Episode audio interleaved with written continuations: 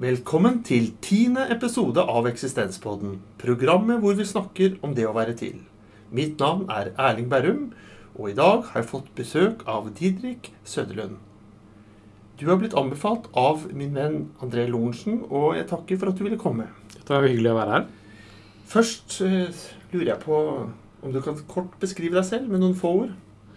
Ja, jeg heter Didrik. Eh, jeg jobber til daglig i Human-Etisk Forbund. Jeg, jeg var inntil nylig fast baltist i Vårt Land, men jeg hadde vært der i seks år og tenkte at nå var det på tide å slutte. Jeg er livssynsnerd. eh, Veldig interessert i det humanistiske livssynet som jeg jobber med, og andres livssyn. Er det noe annet du tenker kan være viktig for lytteren å vite om deg og ditt liv?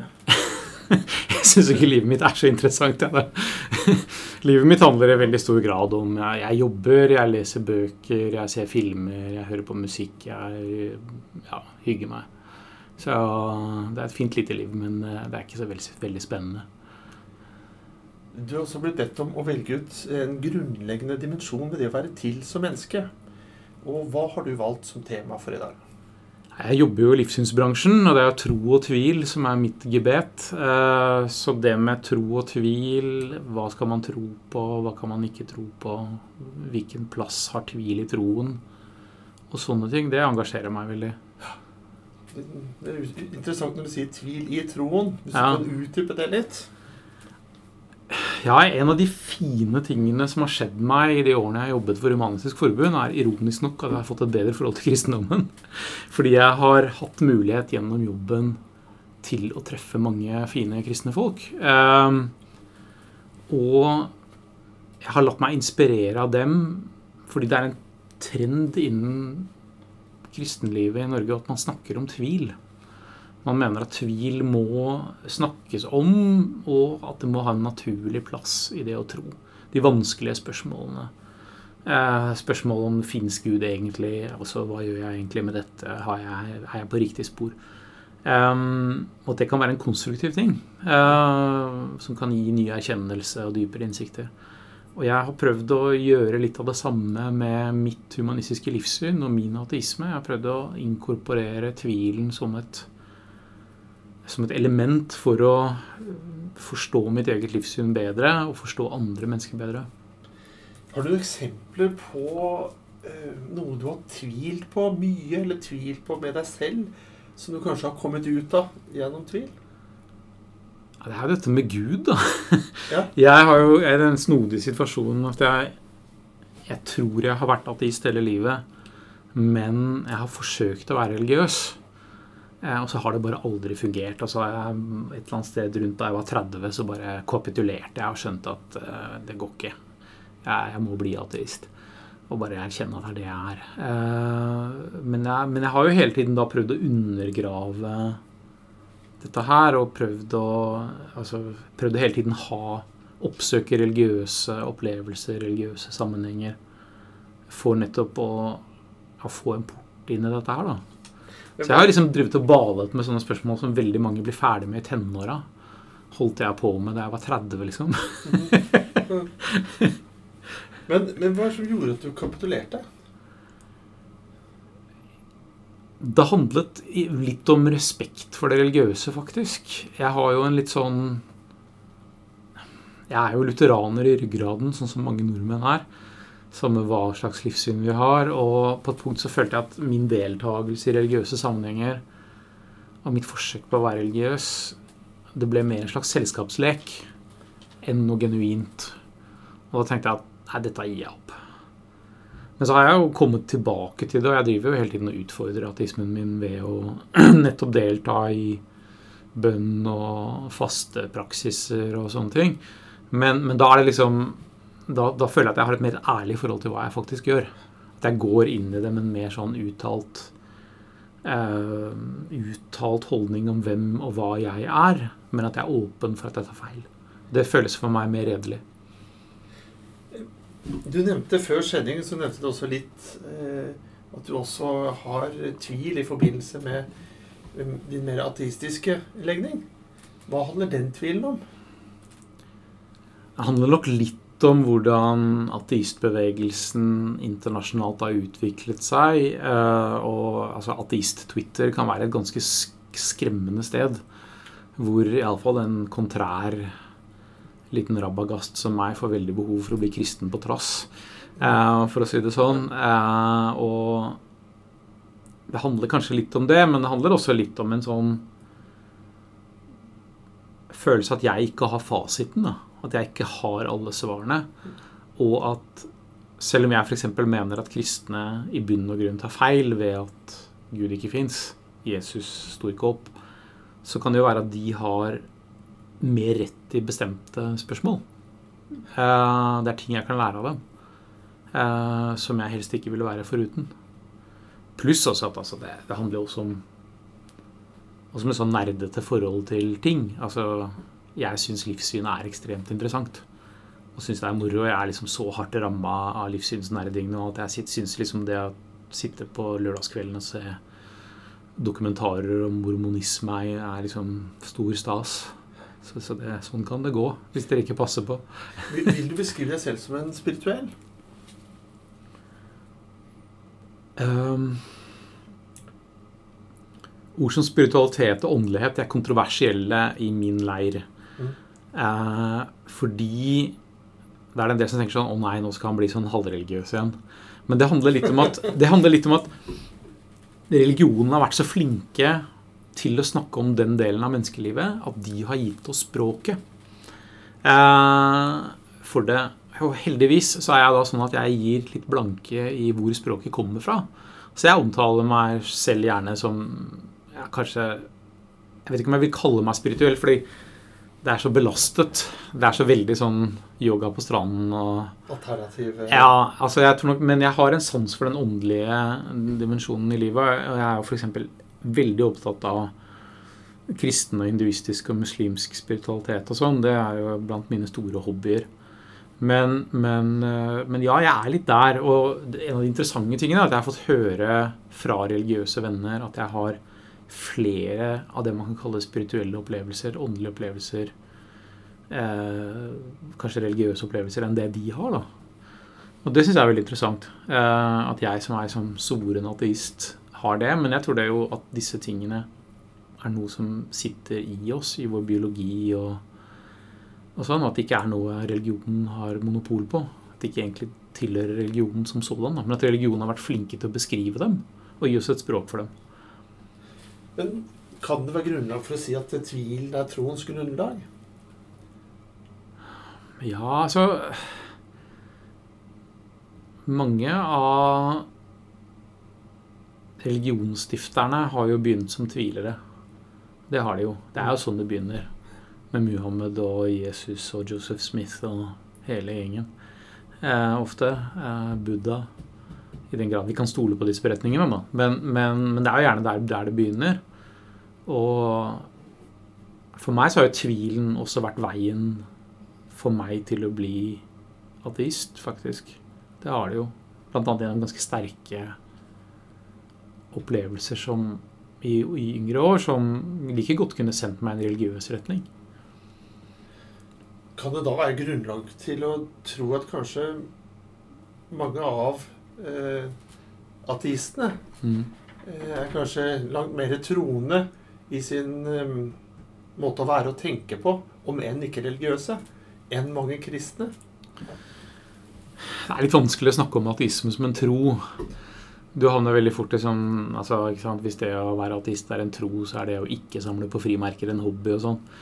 Men, men ja, det er jo, altså, det er jo et lite trosaspekt. Altså Jeg er prinsipielt sett agnostiker, eh, som sagt, men jeg Altså, jeg tror jo at det ikke fins noen gud. Og det er jo en slags tro. Det er jo det jeg registrerer at flesteparten av verdens mennesker er uenige med meg i det spørsmålet. Eh, Hva er det som gjør at du tror det? At det ikke fins en gud? Én ting er at jeg aldri har sett noe bra bevis på det. Altså, jeg syns alle disse gudsbevisene blir veldig veldig svake gudsindisier. Knapt det. En annen ting er at jeg syns at verden gir mer mening uten en gud. Jeg tror altså mange religiøse mennesker sier at liksom, altså, han så på skaperverket og så at det var godt. Altså, mens jeg er mer som Werner Herzog, som ser verden som the harmony of mass murder. Altså, det, er, det ligger noe sånn kynisme der også. Jeg klarer ikke tro på en god skapergud.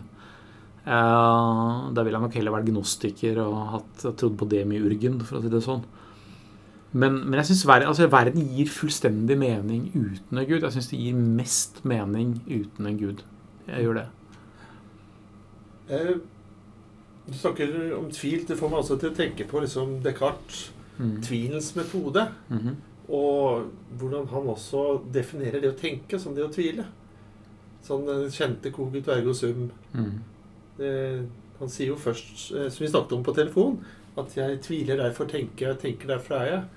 Så på en måte så kan du ta bort rent logisk mellomleddet. Eh, så kan du bare si at 'jeg tviler, derfor er jeg'. Eh, hvorfor er det da så veldig lite tvil i dagens samfunn? I hvert fall slik jeg oppfatter det. Jeg syns det er ganske mye tvil, jeg må jeg innrømme. Okay. Men, men, det har jo kanskje sammenheng med at jeg har aktivt oppsøkt tvilerne der ute. Eh, men ja, vi lever jo i en, en polarisert tid hvor det er mange true believers der ute. Og, og, hvor altså frontene hardner til. Og noe av det som er fascinerende når frontene hardner til, er jo at tvilerne Det er ikke noe rom for dem. Og de blir jo ofte de som er mest foraktet av alle. For de blir de som skaper uorden i rekkene. Så det er virkelig kanskje mer enn noen gang viktig å ta vare på tvilerne og tvilen. Men hvor finner vi tvilerne, hvis det er en lytter her som gjerne skulle finne noen tviler og finne noe meningsfellesskap med de? Hvor, hvor er tvilerne? Hvis du er kristen, så vil jeg anbefale Tom Arne Møllerbråten, som har skrevet en god bok om tvil som del av et kristent livssyn. Ellers så vet jeg ikke om det er altså, helt hvor jeg vil anbefale folk å gå. Uh, den boken som jeg skrev for noen år siden sammen med Stian Kilde Aarebrot, 'Presten og ateisten', er det en god del om tvil fra et ateistisk og livssynshumanistisk perspektiv i. Men det føles jo litt kleint å sitte og anbefale sin egen bok. det går bra. Eh, eh, hvis du tenker på å tvile, eh, men også ser det i, i sammenheng med det å, å nøle, mm. å være usikker det, det, er jo ikke akkurat egenskaper som betraktes som så veldig høyverdige heller. Eh, man skal gjerne være klar og bestemt. Eh, pang, pang, pang. Mens ja. det å tvile, gruble eh, Ja, du sier det selv at det liksom har ikke så stor plass i dagens samfunn, men hva er grunnen til at vi ikke verdsetter tvilen høyere? Det er jo et mas, da. Jeg skulle kanskje egentlig gjerne sluppet, har det slått meg. Jeg har brukt enormt mye tid på å gå og gruble og gnure og kverne på ting som har tatt masse tid og masse energi. Som jeg sikkert kunne brukt mer produktivt. Samtidig så har det gjort livet mitt forferdelig interessant. Så det er jo en gevinst man får. Eh, det er mye lettere for meg f.eks. å møte mennesker med et religiøst livssyn med, på en hyggelig og konstruktiv måte, tror jeg. Siden jeg har det rommet for at kanskje de har mer rett enn jeg har, eller har fått mer rett i noen ting. Og sånn. Altså jeg, Så ja, det har gjort livet mitt, gjort livet mitt bedre, men det har også gjort det verre. ja. eh, apropos tvil. Så lama lama sabaktai, sånn, er ikke det Jesus sier på korset? Min Gud, min Gud, hvorfor har du forlatt meg? Mm. Var det et øyeblikk av tvil også av Jesus på korset, eller hva tenker du om det? Ja, Dette hentes jo ofte fram av kristne eh, ja. eh, som et eksempel på nettopp det. Ja. Altså at når mesteren selv, som de noen ganger omtaler han som, kunne mm. tvile, hvorfor skal ikke vi kunne gjøre det? Så ja, helt klart. Altså Ja.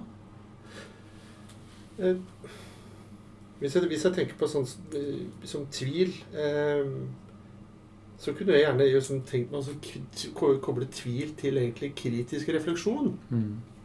Det er jo noe som nå blir mer og mer viktig i våre dager, mm. knyttet til den eh, mediebildet vi har. Eh, dette fake news-begrepet og hvor eh, vi har behov for å være mer kritisk til den informasjonsverden som omgir oss. da. Mm.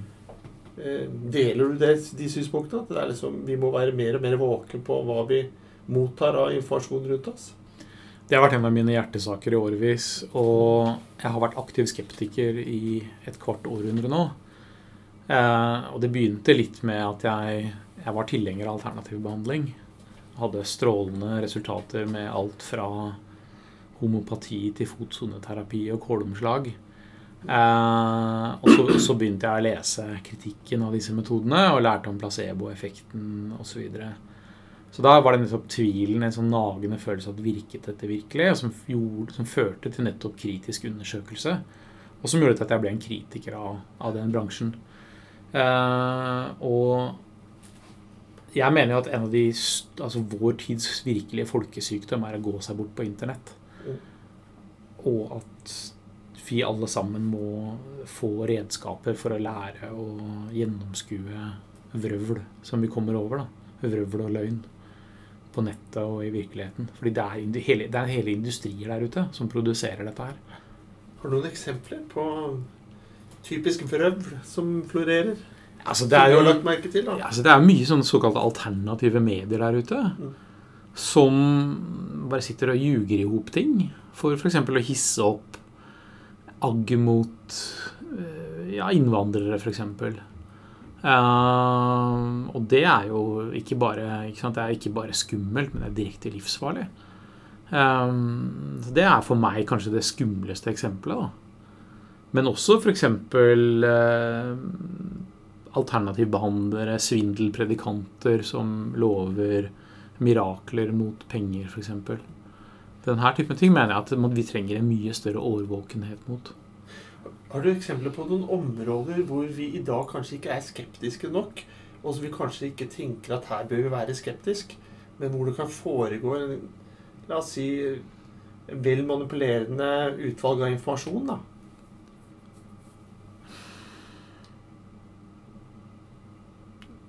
Det er et veldig godt spørsmål. Om du tenker utover det, for nå har jeg jo sagt de verste, de verste synderne. Jeg, jeg tenker f.eks. Meningsgrunnlaget du får noen ganger, er ofte utvalg. De kan være vinklet. Eh, jeg tenker også fra ja. politisk hold, eller Ja, all, all, informasjon du får, er jo vinklet, og det er nettopp en av grunnene Et av poengene med å være pluralist og oppsøke mange forskjellige typer, typer ting. Det er en av grunnene til at jeg f.eks. har vært veldig opptatt av, opptatt av religionsdialog. Nettopp fordi um, Nettopp fordi, på samme måte som i politisk debatt, uh, hvor du faktisk kan få dine egne synspunkter justert av å diskutere med folk som er uenige med deg, så kan det samme fungere i livssynsdebatt. At, at man lærer å man, man, kan justere meningene sine etter en konstruktiv debatt med andre. Så det er jo, det er jo for så vidt et argument for altså en, en pluralitet av stemmer i offentligheten. Hvis du tenker på venner som sitter på fredagskveld og diskuterer et tema, mm. eh, syns du det kan være betimelig å da forvente at de du diskuterer med, har flere kilder for hva de mener?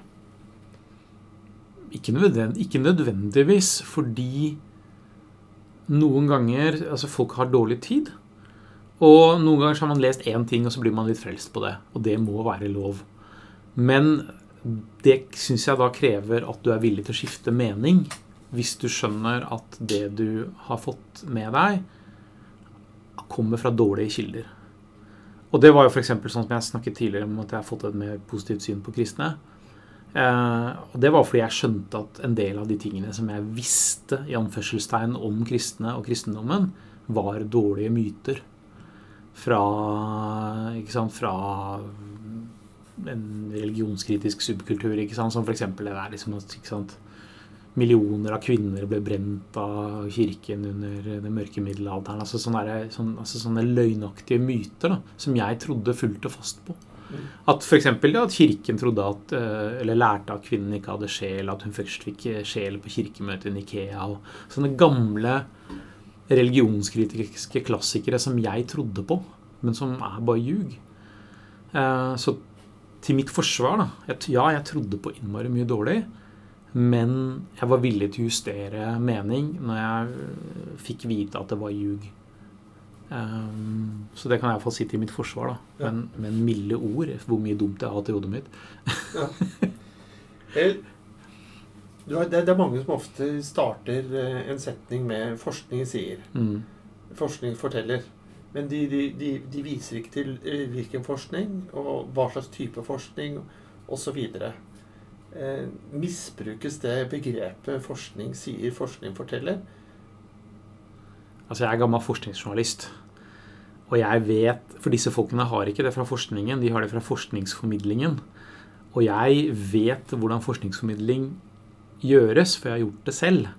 Og jeg vet hva slags folk det er som sitter og gjør forskningsformidlingen. Og jeg satt jo der helt uten kompetanse på de feltene jeg skrev om. For det må du gjøre som allround forskningsjournalist. Og jeg satt og lagde artikler om ting jeg ikke skjønte.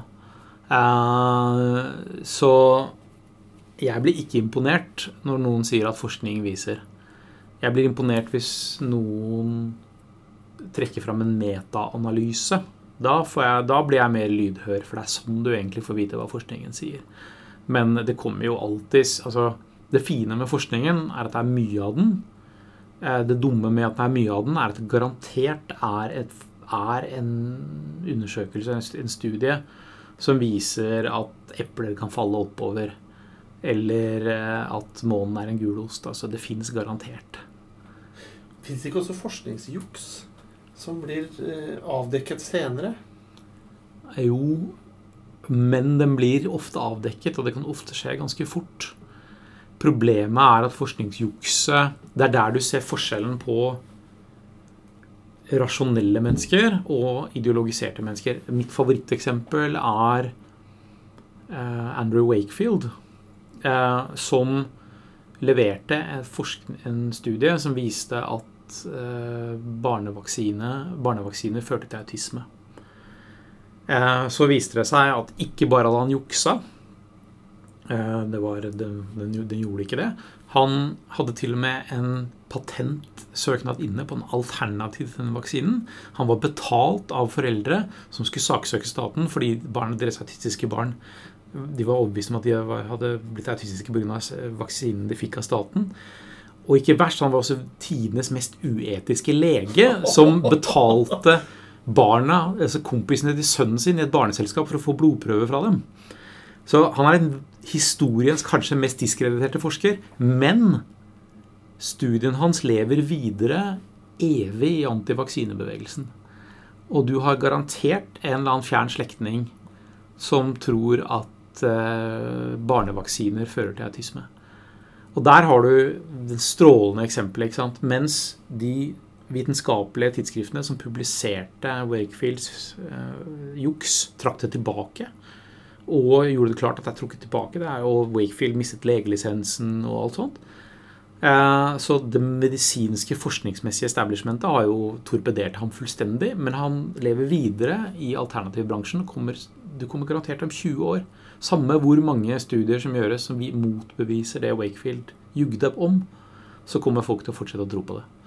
Og det vil da sikkert også være tilfellet i mange andre eksempler, eller lignende eksempler. da. Å ja. Eh, var det ikke nylig en forskningsstudie For jeg mener å ha fått med meg denne studien om det å påføre andre smerte, Mm. som nå nylig ble avslørt at det hadde vært juks. Jeg ikke- Milgram-eksperimentet. Ja, Ja, ja. ja, ja. Det er også en sånn, det kommer også til å leve videre i all evighet. For det trodde jeg var, stemte, at det var en studie som stemte, men så kom det fram at det var også juks. Ja, Eller at det var litt dårlig gjennomført. At det Ja. ikke nødvendigvis viste det man, det man tror. Men, men dette er jo noe av det som gjorde at jeg ble, ble skeptiker i utgangspunktet. Jeg ble fascinert av hvor mye av det vi tror vi vet, eller hvor mye av det vi vet, i anførselstegn, som er ljug. da. Vandrehistorier og juks og gamle myter og ren propaganda, f.eks. Men apropos litt sånn forskningsjuks og sånn, er det litt sånn at du, fordi du, du, sånn, som, du er nesten nær en Mm. konklusjon, eller nesten nær et funn, så vil du så gjerne at det skal være det det kan være nesten. Så du legger til en sammenheng som ikke er der, eller du manipulerer resultatet for å få den konklusjonen du er i nærheten av, men som ikke kan bevises, selv som du ikke klarer å bevise. I noen tilfeller så gjøres det nok i den formen for tro, ja. I andre tilfeller så er det ikke Så er det nok mer sånn at man jukser fordi, fordi man vil ha det bestemte utfallet. Rent, rent juks, liksom. Det er fordi Ja. Den første da tenker jeg sånn at de, de tenker at ja, men dette er sant. Ja. Jeg bare får ikke det, jeg finner ikke sammenhengen og resultatet som kan bevise det akkurat nå. Ja. Men det er så mye indiser, så det er sant, og så gjør de det fordi for å hjelpe liksom forskningen sin på en uetisk måte. da. Ja. Eller hjelpe pasienter med en behandling som de ikke kan dokumentere, men som de bare er helt overbevist om at fungerer. Eh, jeg tror nok en del alternativbehandlere er i den båsen. Jeg tror ikke nødvendigvis at folk er sånn at Jeg tror, tror du skal være en ganske spesiell type person for å klare å gå og ljuge på jobben åtte timer hver dag, sånn bevisst, for å svindle folk. Ja, Da må du nok være psykopat eller lignende. må du ikke det? Da er du litt sånn i Trump-typen. Eh, litt sånn tilbake til tvil. Om Mm. du har tvilt eh, og vært skeptisk, så lurer jeg på Er det noe du har tvilt deg ferdig med i livet? Er det noe du har sluttet å tvile på, men som du liksom bare har lagt Ja, legger vi den ballen død? Eller da bestemmer jeg meg for hva jeg mener om dette, eller hva? Jeg vil nok si at en del av at Jeg vet ikke om jeg har tvilt på sånn alternativ behandlingsting, for der gikk jeg fra å tro på det til å avvise det helt. Uh, der er jeg nok ferdig. Men jeg håper Når det gjelder mitt forhold til Gud og sånn, så håper jeg jo egentlig at jeg aldri blir ferdig med det. da. Fordi det er en kilde til så mye spenning for meg. Så mye interessante møter med folk og, og interessante ting å gjøre. Så det håper jeg litt at jeg aldri blir ferdig med. Jeg er nok landa jeg, jeg har nok landa på en sterkere ateisme enn jeg hadde for noen år siden. Annet fordi jeg fikk, eh, jeg fikk kreft for noen år siden. Eh, Og det er sånn typisk sånn øyeblikk hvor folk liksom, hvor du, du må jo tenke litt gjennom meningen med livet og sånne ting mer enn normalt.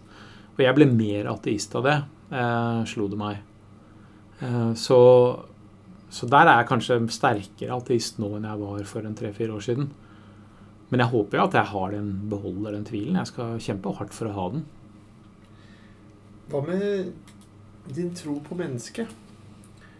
Eller eh, tviler du på mennesket? Ja, det har jeg alltid gjort. Eh, Jeg er nok livssynshumanist litt sånn fordi det er ikke noe annet å tro på. Men vi er jo en ganske gebrekkelig skapning, da. Og det er eh, Det er mye ved oss som ikke akkurat gjør meg optimistisk med tanke på framtiden. Vi er ikke så rasjonelle som vi tror, f.eks. Det har jeg jo alltid vært veldig øh, opptatt av. Eh, vi lar oss styre av veldig grunnleggende instinkter og flokkimpulser og sånne ting i altfor stor grad. Vi klarer ikke helt å se konsekvensen av valgene våre. Eh, vi kan være helt forferdelig grusomme mot hverandre. Eh, det er for mange av oss, osv. Så, videre. så jeg har ikke noe sånn veldig veldig stor tro på menneskeheten, men det er liksom ikke noe annet å tro på. da. Bortsett fra jeg har, jeg driver egentlig og melder overgang til hundene. Mm. De har jeg større tro på. Eh, Hva med eh, Elon Musk og han eh, i Facebook Hva han heter den Facebook-sjefen? Mark Zuckerberg. Ja. De hadde en sånn diskusjon om vi trenger å frykte kunstig intelligens eller ikke. Og om de ville ta over eller ikke. Og Zuckerberg ikke var spesielt bekymret for det. Men, men Musk mente at dette var en reell fare. og At det, kanskje da menneskeheten som sådan liksom vil se sin slutt og kanskje bli overtatt av eh, vesener som har kunstig intelligens. Jeg er egentlig mer bekymra for Zuckerberg enn jeg er for kunstig intelligens. må jeg innrømme. Han har gjort mer skade enn en robotene, så langt i hvert fall. På hvilken, Eh, på hvilken måte da? Nei, altså Det er mye grums med Facebook, og hvordan de f.eks. lot russerne bruke seg for å gripe inn det amerikanske valget, f.eks.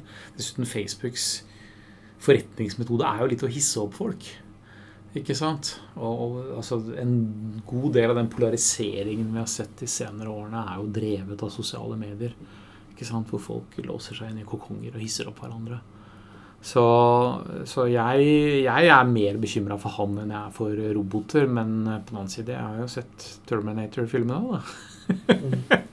jeg har jo det. Hvis vi skulle tvile på noe, så skulle vi i hvert fall tvile på Facebook. Og Ja. det som er på Facebook. Ja, helt klart. Nå har vi kommet på slutten av samtalen. Eh, da pleier jeg alltid å spørre om noen tips. Og vi har jo hatt et gjennomgående tema her og snakket om tvil Mm. og det å være skeptisk. Eh, har du noen tips om noe, noe god litteratur for de som ønsker å kanskje lese seg opp på eh, sin egen eh, kritiske eh, refleksjon eller skeptisisme eller hva som helst?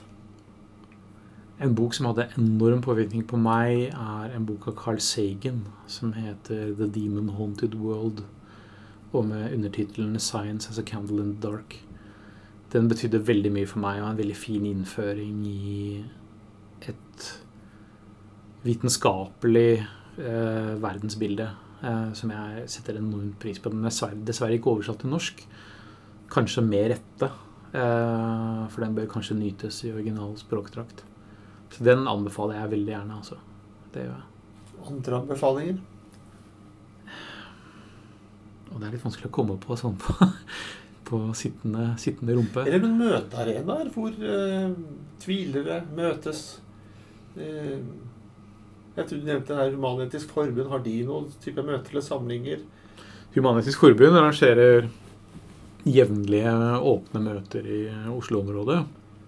Men også mange andre steder rundt omkring i landet. Jeg har reist mye rundt og holdt foredrag og deltatt på samtalekvelder og sånne ting. Eh, Jeg og min kompis, eh, prestekompis Stian har vært rundt i Norge på over i hvert fall 30 forskjellige steder. Tror jeg nå snakket om tro og tvil sammen og sånn. Så mm, ting skjer. Det er bare å følge med. Det er veldig spennende at dere liksom eh, Presten og ateisten, som boken heter, at dere reiser sammen. Hvordan oppleves da tilhørerne? Er det liksom to grupperinger, eller er det agnostikere i midten? Hvordan, hvordan er publikum der?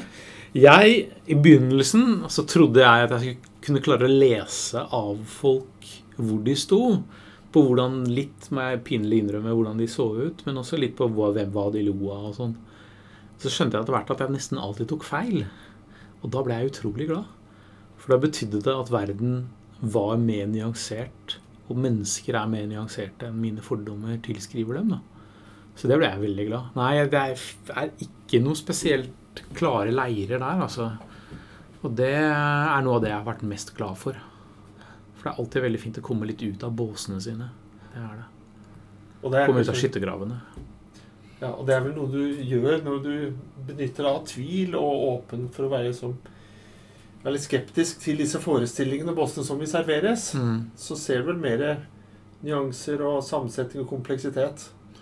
Det handler jo litt, også litt om å være skeptisk til de mytene som man møter i sin egen leir. Altså de ideene som man møter i sin egen leir. Altså vokst opp, Jeg har jo annet også vokst opp med sånne forestillinger om at religiøse mennesker ikke tenker selv. og altså jo, altså Jeg skammer meg over det nå, men, men, men det var sånn det var. Det var det. Jeg syns vi kan avslutte med det. Det var kloke, kloke ord til slutt, og en fin oppfordring. Og være skeptisk også til mytene i egen leir. Mm. Og så takker jeg veldig mye for at du tok deg tid til å komme og dele dine tanker her i dag. Takk for at jeg fikk komme. Så takker jeg også til lytterne for å ha fulgt oss denne halvtimen. Vi høres igjen, og inntil da, ha det bedre enn bra.